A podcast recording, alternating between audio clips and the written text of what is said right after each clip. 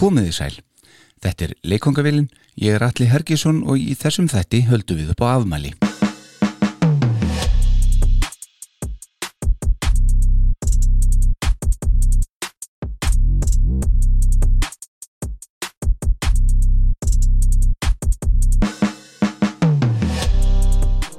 Róland Lígift er án Vafa einn af bestu og vinsalustu söngurum nýjunda áratöðarins. Við erum hér að tala um pöngara frá fátöku heimili sem náði að rýsa til hæstu hæða hvað fræð og framavarðar. Þá sem söngvari hljómsveitarinnar Fine Young Cannibals. Sú sveit náði toppnum við útgáfu plötunar The Raw and the Cooked árið 1989.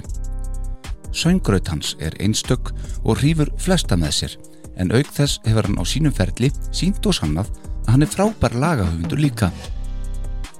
Afmælið sem við ætlum að halda upp á í dag er 60s afmæli Kappans. Við förum hér yfir upphafsár Roland Gift á samt svo að kynna okkur feril Fænjón Cannibals, hljómsveitarinnar sem breyti svo sannarlega lífi fátaka pöngarhans til hins betra. Það er 80's þema í leikongavillinni í dag og það er Böttvæsir Bútvar hinn tjekkneski gæðabjór sem býður upp á þáttinn að vanda.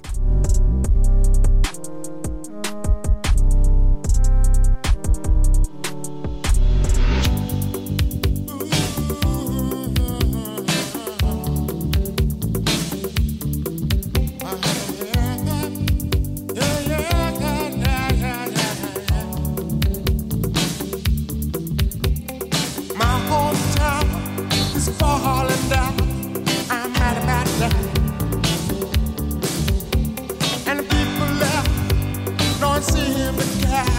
I'm mad about that.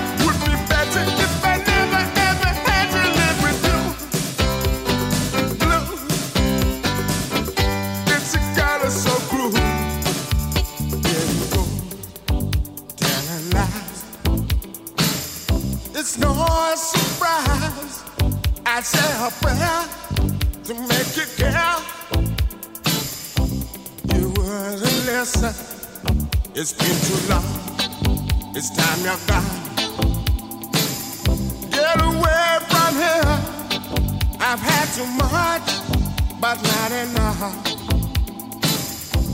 It's time you left. Good God magic.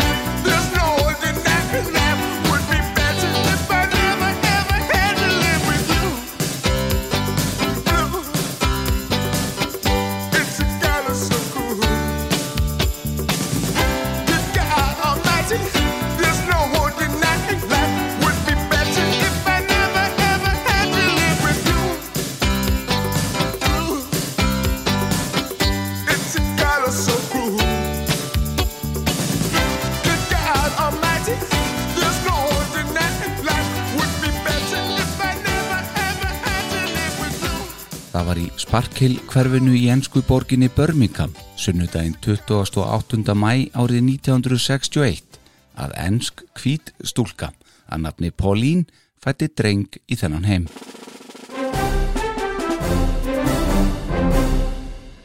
Drengurinn fekk nafnið Roland Lee, Roland Lee Gift. Fadur hans var að afriskum uppruna og Roland litli því góðblanda fóreldra sinna og nokkuð dökkur á hörund. Róland tilhyrði má segja stórum sískinahópi, eigandi eitt bróður, hann Pól og þrjár sýstur, þær Jay, Helgu og Rögnu. Helga og Ragna takið eftir. Róland minnist uppvakstarins í sparkilkverfinu með miklum líhug. Hann var þar aldrei varfin inn að kynþóttafordóma þar sem íbúar hverfisins voru að langstæstu leiti svartir. Hvert sem hann fór voru aldreinin skildi sem bönnuðu litað fólk eða þess áttar og veröldin blasti við honum sem hinn eðlilegasta. En það átti eftir að breytast því árið 1972 þegar að Róland var 11 ára slitu foreldrar hans samvistum og hann flutti á samt móður sinni frá Sparkil í Birmingham og settust þau að í borginni Höll þar sem að Paulín, móður hans, opnaði og rak þar nokkrar verslanir með notuð fött. Róland var reyndar nokkuð fljótur til að koma sér ágætla fyrir í Höll og egnaðist þó nokkra vini. Hann minnist þess þó sjálfur að lífið og tilveran hafi breyst hansi mikið við þessar flutninga og í raun verið heldur mikið sjokk fyrir hann sem ungan dreng. Honum fannst þetta afar skrítin staður þar sem borgin var ennstutt komin í uppbyggingu eftir að hafi verið mikið leiti jöfnuð við jörðu í setni heimstyrjöldinni. Þá voru til að mynda aðeins tveir aðrir aðilar sem ekki voru kvítir í skólanum hans fyrir utan hans sjálfan og hann fór því að verða var við kynþóttaforduma í sinn garð eitthvað sem hann hafði í raun aldrei áður upplifað. En þrátt fyrir þessa kvimleiðu nýjung í hans lífi uppliði hann sig aldrei í raun óvelkomin þegar litið er á stóru myndina.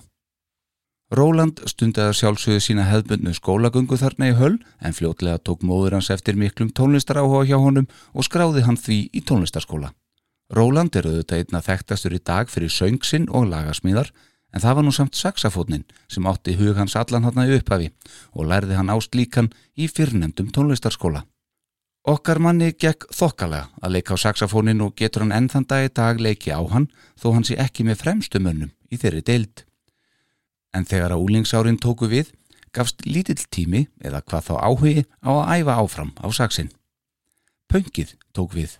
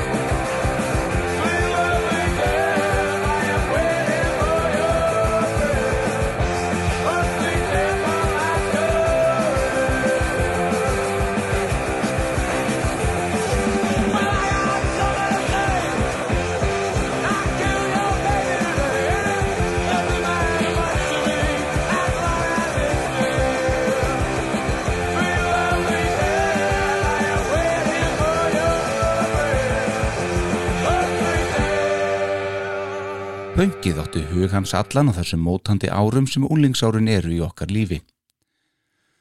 Sjálfur hefur hann reyndar kalla sig fyrsta svarta pöngaran í höll, en hvort það sé staðrind veit ég ekki, en sennilega hefur hann einhvað til síns máls. En í pönginu fann hann sig sem sagt afskaplega vel. Hann, þessi ungi maður, var farin að læra meira inn á lífið og reyðin sem hann fann fyrir kræmandi innræð með sér sökum fyrir nefndra kynþóttafordóma sem hann var farin að upplifa í fyrsta sinn, fekk ágættis farveg innan um alla hina reyðupunkarana. Róland var á þessum tíma ávalt í svörtum leðurjakka og með aflitað hár. Þetta var til þess að hann fekk viðnefni Guinness í vinahópnum. Sennilegast myndi kvítahári þá á fróðuna góðu á þeim ágæta bjór og dögt hörundið á samt svarta leðurjakkonum áttu þá líklegast að tákna sjálfan bjórin. En hvaðan um það?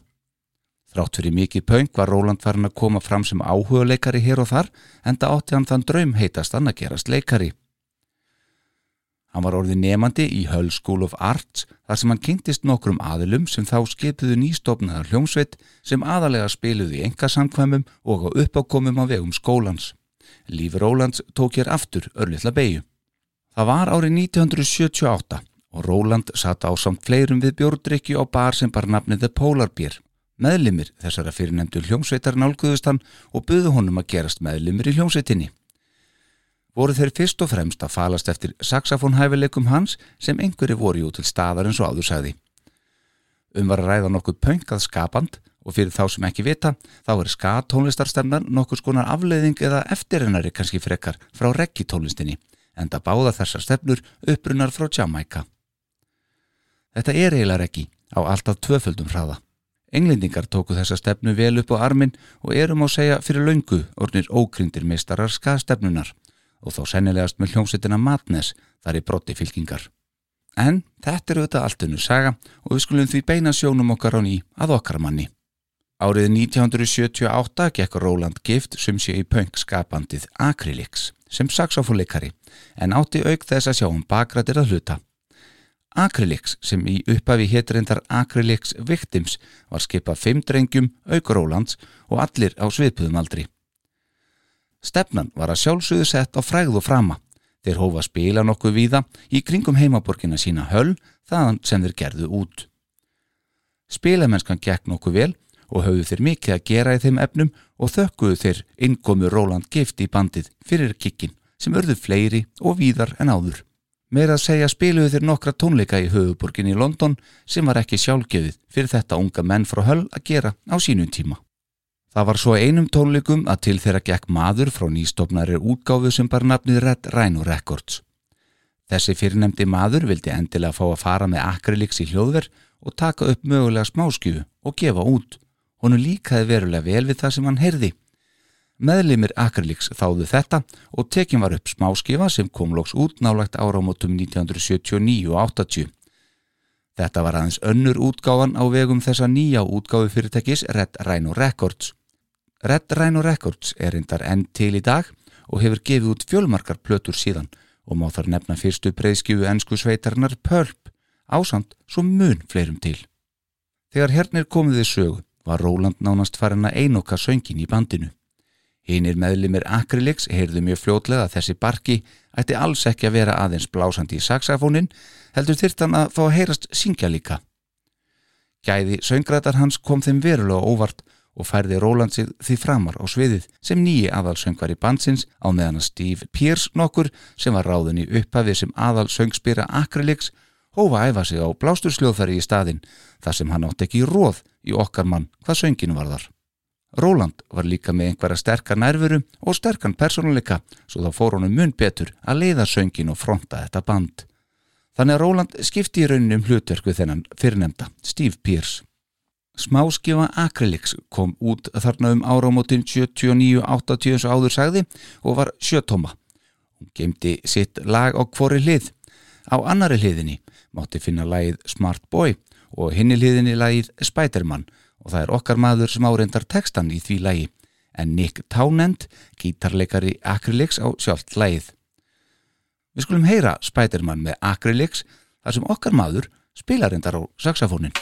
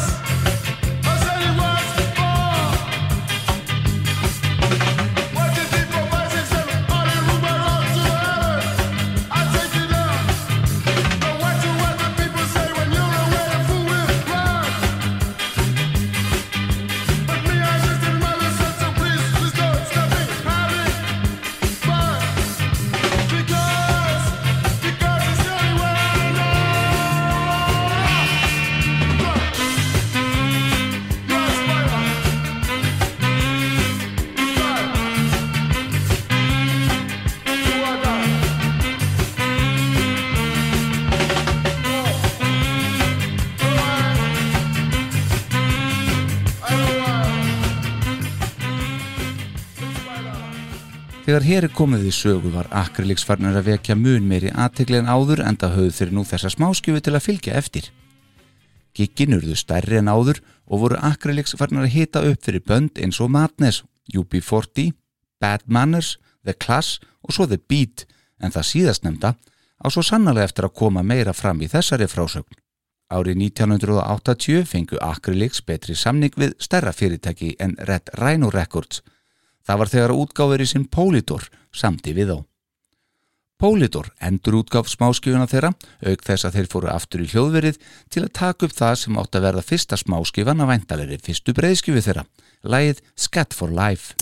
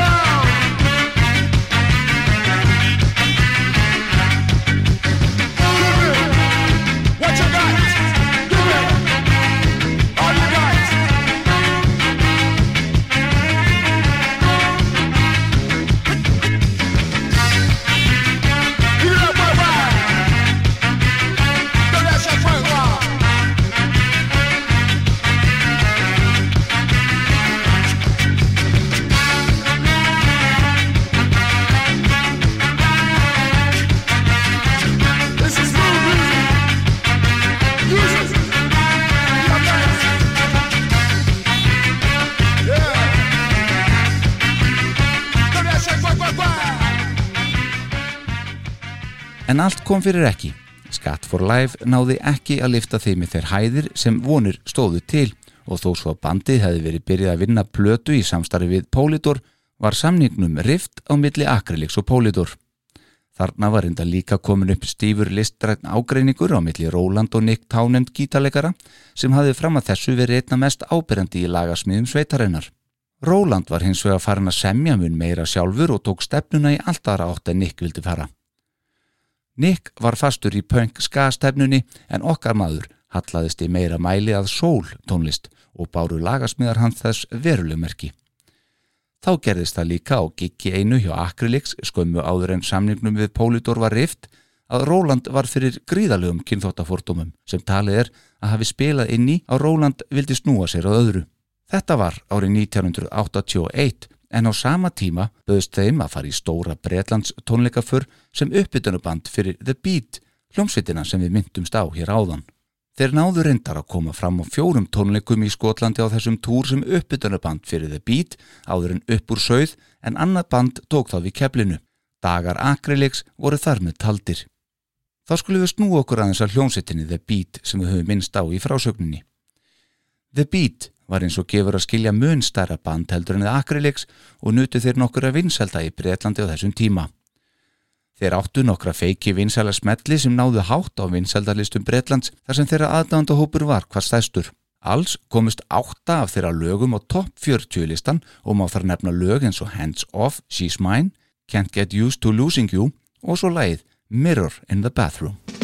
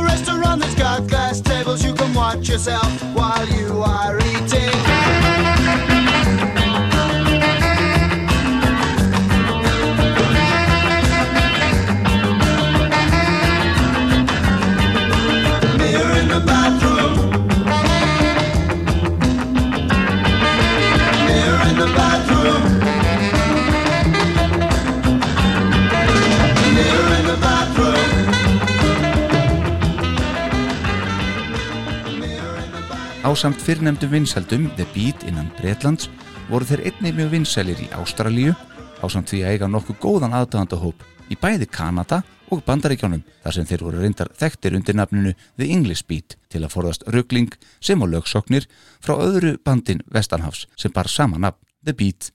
Bandið var á toppi síns ferils skömmuð upp úr 1980 á svipuðum tíma og upp úr sögð hjá okkar manni og félugum hans í Acrylics. Þeir túruðu út um allan heim og tróðu upp með hljómsveitum og listamönnum eins og David Bowie, The Police, The Pretenders, The Clash, R.E.M. og Talking Heads svo eitthvað sem nefnt. En það síður upp á hjá fleiri böndum skal ég upplýsa hér. Einmitt það gerðist árið 1983 hjá The Beat. Bandið hætti mjög snöglega störfum eftir að hafa gefið út alls þrjár vinsælar hljómplutur.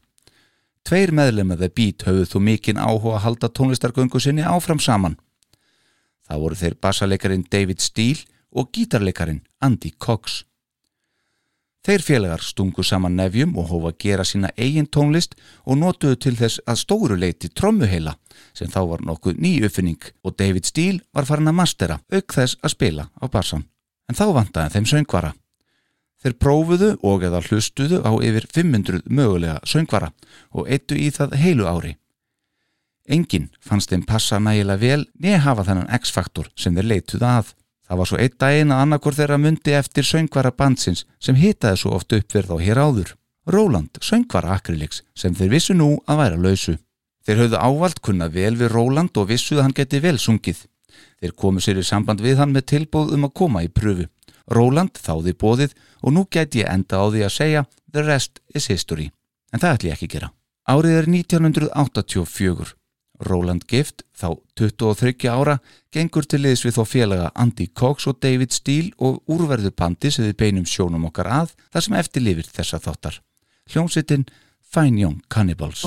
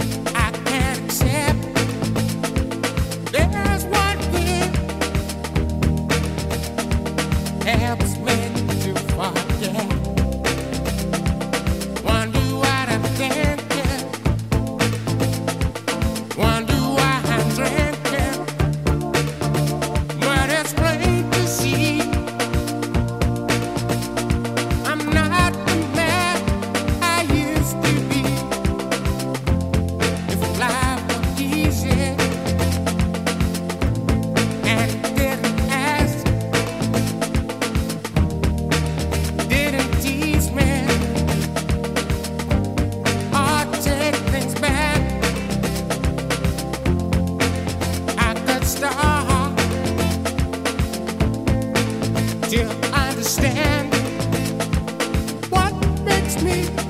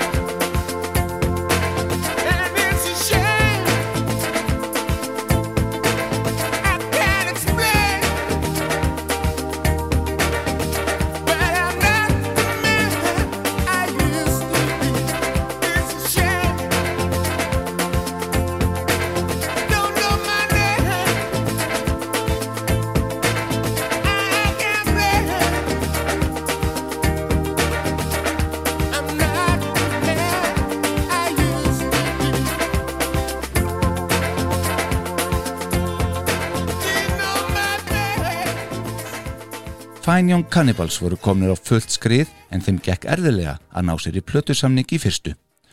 Öðvitað voru þeir Andy og David þekktir og vel tengdir inn í tónlistabransan í Breitlandi eftir sína tíma með The Beat og margir þekktu til Roland Gift, söngvara þessarar nýju hljómsveitar. En svörin sem þeir fengu frá útgefundum voru ávalt þau sömu. Band skipað hvítum meðlumum en með svartan söngvara mun aldrei ná langt. Svona voru hlutinur ekki komni lengra á þessum tíma, en þetta bull tóku þreimenninganir ekki sem góð og gild svör enda á að auðvitað með bullandi trú á sínu nýstofnaða bandi. Fine Young Cannibals komu sér þó í þáttinn The Tube sem var tónlistatháttur á Channel 4 í Breitlandi sem tók á því helsta sem var í gangi þar í landi á hverjum tíma. Þarna var sjálfur píjánuleikarin og sjónvasmarinn Jules Holland við völd á samt erindar fleirum eins og henni Pauli Yates heitinni sem þá var kærastannars Bob Geldof sem var auðvitað áhrifamaður í bresku tónlistarlífi. Tónlistathættinni The Tube nutu mikill að vinselda og voru síndir í beitni útsendingu á sjónvastöðunni Channel 4 frá árinu 1982 og allt til ársins 1987 þegar þeir voru teknir af dagskrá.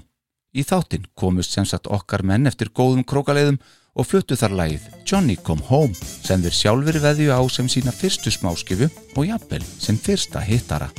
Þessi ákvörðin þeirra var hárétt en það ringdi inn tilbúðum frá hljómplutu útgefundum eftir framkomið þeirra í þættinum The Tube.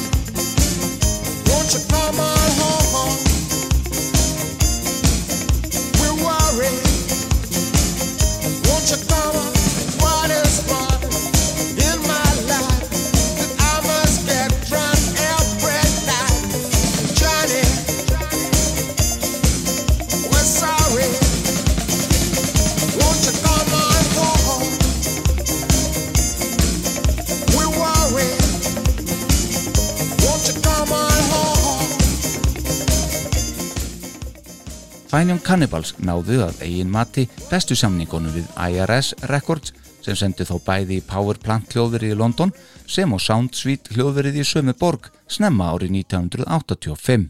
Þeim var útlutað nokkuð góðum upptökustjórum sem henduðu bandinu vel. Þeim Robin Millar, Mike Pila og Alvin Clark. Allir reyndir upptökustjórar.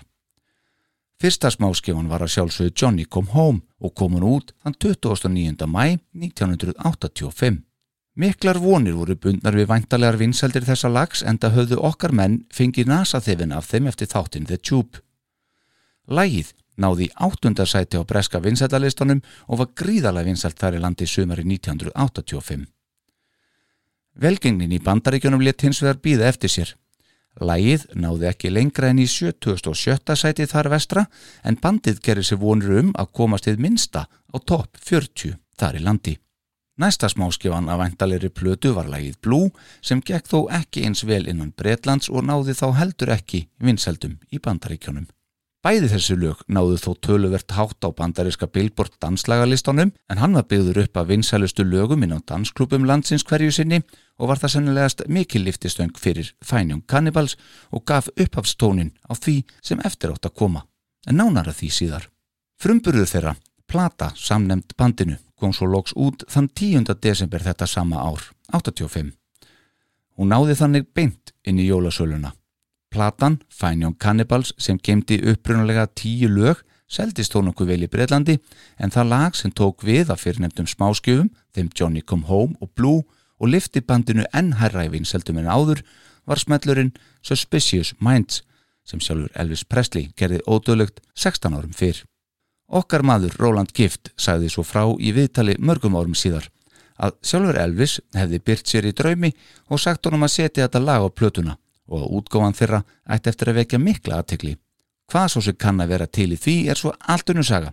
Kanski spila líka þarna inn í upplifun hans svo staðurind að hann var enþá að neyta einhverja eittulifi á þessum tíma. En skömmu síðar gaf hann þá yðju upp á bátinn og hefur að eiginsögn ekki stundast líkt til fjölda ára.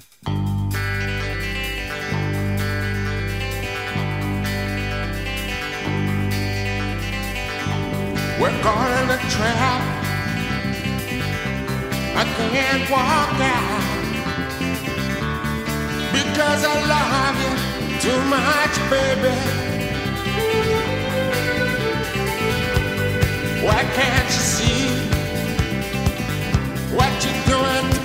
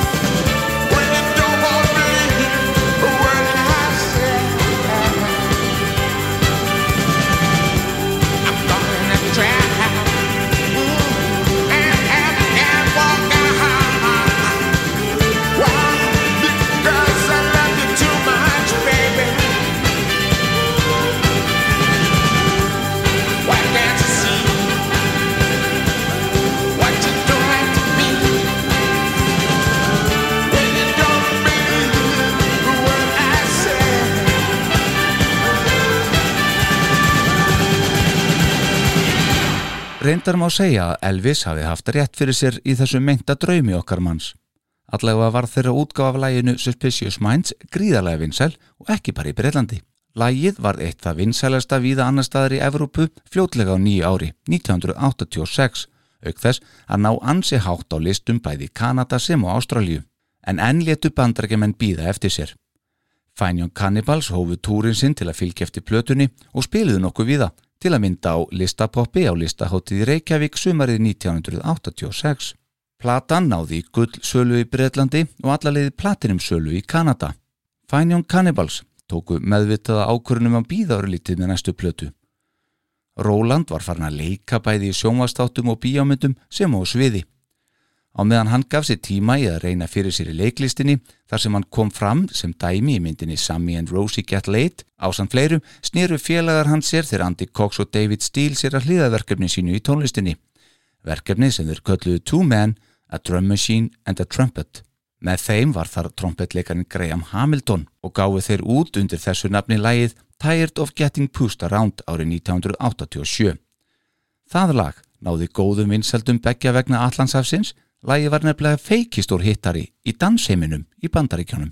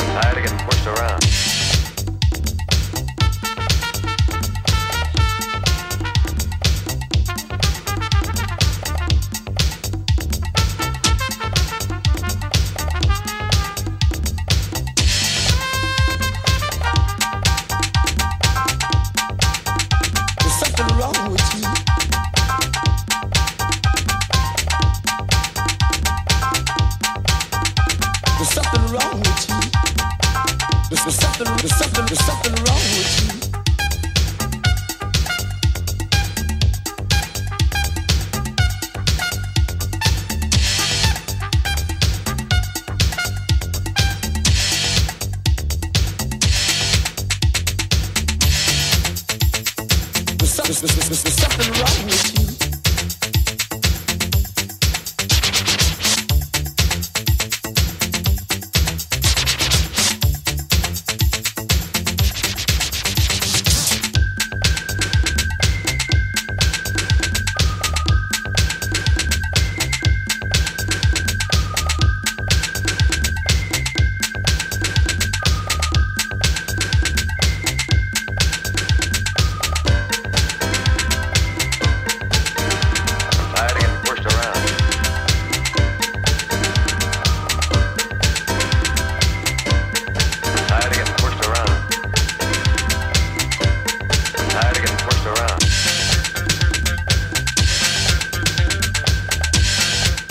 Eftir vinsældir þessa lags fannst okkar mönnum tími til komin að taka upp þráðin á ný og koma með næstu plötu og freista þess þannig að hamra þetta ját sem var farið að hitna með aðteglinni sem Andy og David nutu með hliðarverkefninu sínu í bandaríkjónum.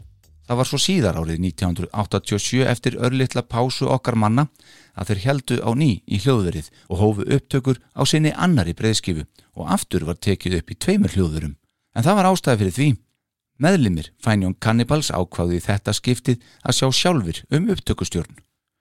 Upptökur hófust því er hljóðurinn í London þar sem ætti segja að fyrri hluti plötunar hafi verið tekinu upp. Þeir fengur reyndar aðstóð við upptökustjórn að einhverju leiti til að mynda og sem dæmi frá Jerry nokkrum Harrison í læginu Ever Fallen in Love sem í raun var fyrsta smáskjöfa þessara plötu þeirra enda kom þetta lag út tölvert fyrr í tengslu við kvikmynd. Kvikmyndina Something Wild þar sem það má finna en að megninu til sáu þeir sjálfur um rest. Útgáfi fyrirtækið MCA Record sem sáum að koma þessari plötu út í bandarækjunum bað hins vegar um að þeir myndu finna sér upptökustjóra til að klára upptökunar með. Okkar mönnum datt þó í huga að byggja tónlistamannin Prins um að sjá um upptökustjórn. Þeim var tjáð að þannig myndi Prins ekki vinna. Það er að það virkaði ekki þannig að hljómsveitir myndu ringja í Prins og panta og ráðan sem upptökustjóra. Allt svona væri á hans eigin fórsöndum. En í sama samtali var þeim hins vegar tilkynnt að svona virkaði þetta einmitt hvað var þar mjög náinn samstarfsmann Prins sem hafði þarna þegar unni mikið með honum. Sá er kallaður David Seta og hann samþykti að taka verkefnið að sér. Að klára þessa setni breyðskifu Fænjón Cannibals með þeim. David Seta setti þó eitt skilirði. Bandið var auðvitað búsett í London að hann vildi fá þá vestur yfir haf og allalegið í Paisley Park hljóðverið í Minnesota í bandarækjánum. En þetta hljóðver var þó einmitt í eigu tónlistarmannsins prins. Þegar þarna er komið við sögu og Fænjón Cannibals voru að leið til bandarækjana til að hitta fyrir David Seta og ráðast í verkið sem framöndan var, voru þeir búin að taka upp sjölög, lög þar sem þeir sjálfur stjórnuðu upptökum. David setti í raun aðeins punktinn yfir yð og heldur betur. Hann tók því aðeins upp þrjú lög af þessari væntanlegu tíulaga plötu þeirra en vinna hans með bandinu laði svo sannarlega línunar fyrir hljómin á plötunni þegar hljóblöndum kom. Þá tók hann lagið She's My Baby og let þá reyndar endur semja það og útkoman varð lagið She Drives Me Crazy og við þekkjum svo vel. Sneriltrömmu sándið í laginu er fyrir laungu orðið þekkt en það vakti það mikla aðtikli á sínum tíma. Þetta skæra högg var tekið upp alveg sér. David strekti trommuskinni á snerlinum í kvínandi bótt til að ná því en skæru og hægt var. Höggin voru því næst tekinu upp en endurspiluð í gegnum hátalara sem hann let liggja ofan á viðkomandi sneril með mikrofón staðsettan undir honum og allt tekið upp aftur. Með þessum hætti fegst þetta frábæra sound sem einkynir þetta lag svo mikið.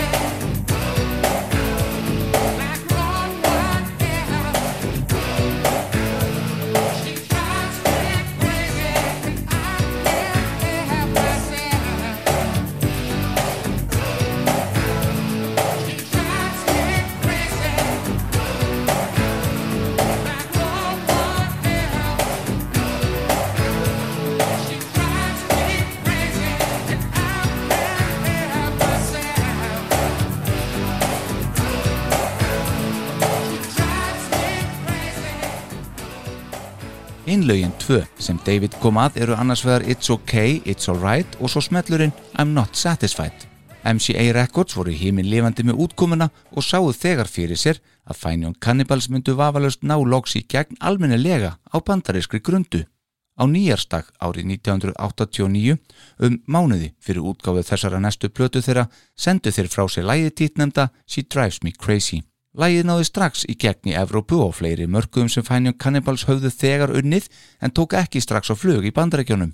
Það fór þó að hljóma meira og meira á útastöðum sem þeir átt ekki von á, eins og smerri háskóla útastöðum sem reknar voru af nefendunum sjálfum sem og alternativ stöðum viðsveðarum landið. Því næst náðu það háum hæðum á mörgum svo kallum örban útastöðum sem spiluðu helst til tónlist fyrir svarta neytendur, flutta af svörtu tónlistarfólki eða eins og þeir kallað black music. Það var ekki fyrir þeir sendu frá sér myndband við lægið að hlutinir tóku almennilega við sér heild vestanmegin við hafið. Myndbandið þótti afar vel hefnað og MTV sjónvastöðin tilnemdi það til margra MTV-verluna meðal annars sem besta myndbandið.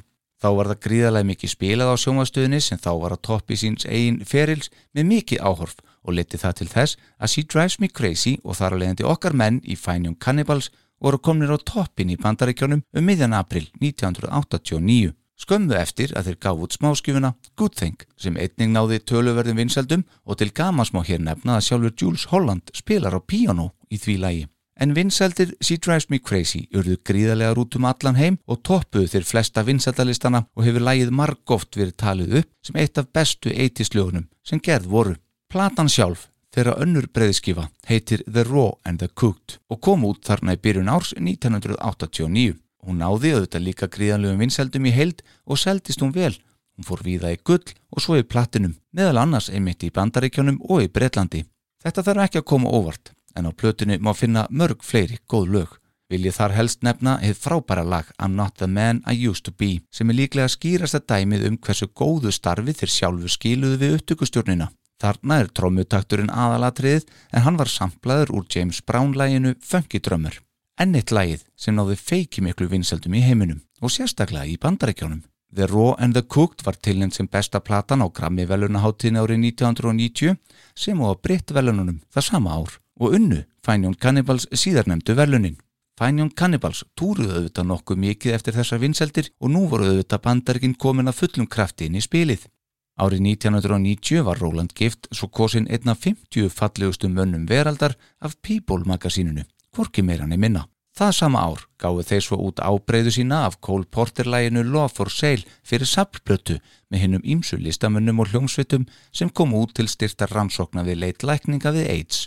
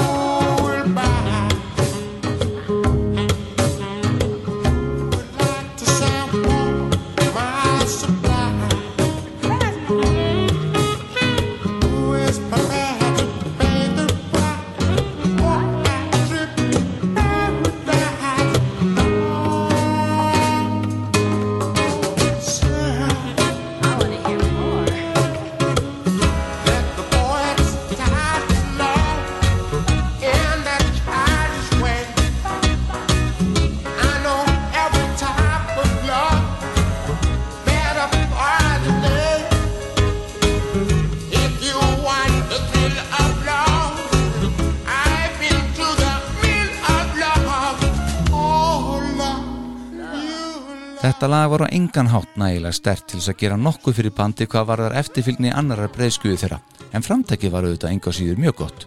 Hljóðversplötunar urðu því miður ekki fleiri og The Raw and the Cooked því raun ekki bara önnur breyðskuða þeirra, heldur svo setni. Fine Young Cannibals hættu störfum árið 1992 eftir allt of stuttan en góðan og árangusuríkan feril. Þeir komið þó saman aftur árið 1996 og tóku upp nokkur ný lög fyrir Greatest Hits plötuna þeirra The Finest. Roland Gift hófa túra á ný upp úr síðustu aldamöndunum þá undir nafninu Roland Gift and the Young Cannibals. Þar var engan Andy Coxney David Steele að finna en þeir tveir heldu þó áfram í tónlistinni eftir að bandi hætti án þess þó á ná nálagt þeim toppi sem þeir gerðu áður. Roland gaf út soloplötu samnefnda sjálfum sér árið 2002. Þar er um að ræða tólulaga plötu sem floppaði illilega og náði engu flugi. Þá gaf hann út eitt lag árið 2009 er byrð heitið Crust og þá undir fullunafni Roland Lee Gift. Lítið hefur í raun heyrst frá Roland síðan. Hann hefur þó einstaka sinnum komið fram en í heilsinni heldur hann sér mikið til hér. Eitthvað sem ég fann verulega fyrir í rannsóknarvinnunni fyrir þennan þátt.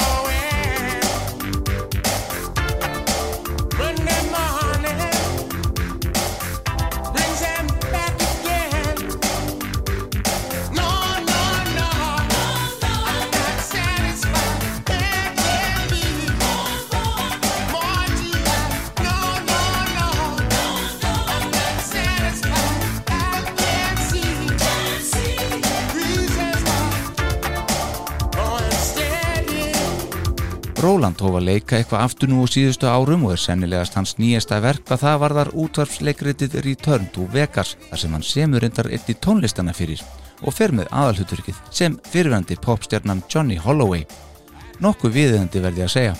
Róland á allavega tvo sinni með konu sinni til margra ára enni Louise en hún lést því miður úr krabbameini árið 2019. Róland Gift segist á að viljandi og ákveðið tónað niður feril sinn til að vera meira með börnunum sínum.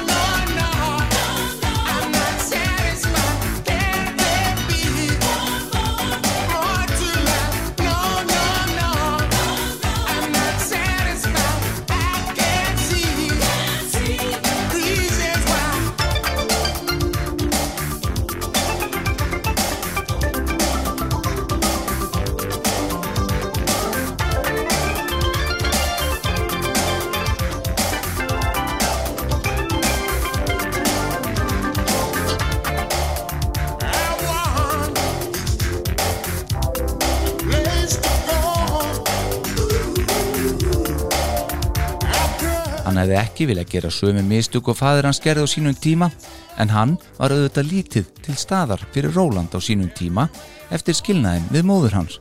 En auk þess að vera búsettur í Birmingham og Róland í Hull þá eitti fadir hans þremur árum í fangelsi. Róland vildi því skiljanlega gera betur. Viljið það ekki öll?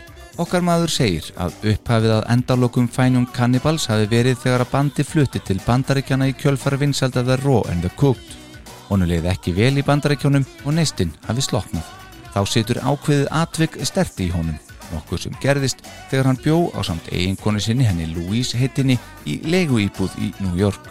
Innbrotsþjófur, vopnaður skambisu, braust inn til þeirra, batt hendur Louise og gekk um íbúðuna á samt Róland, rænandi öllu verðmætu á meðan hann ótaði byssunni í átt að okkar manni. Atvik sem satt það fast í þeim að þau fluttu aftur heim, heim til Bretlands. Róland býr í dag í London. Hann er án vafa ein af skærustu stjörnum nýjunda áratugarins en það er leitin að annar en söngrött. Svo sérstök er hún. Fine Young Cannibals eiga einnig stóran sess í sögunni. Eftir þá liggja fjölmarkir hittarar og tvær metsölu breyðskifur. Algjörlega frábært band hér á ferð.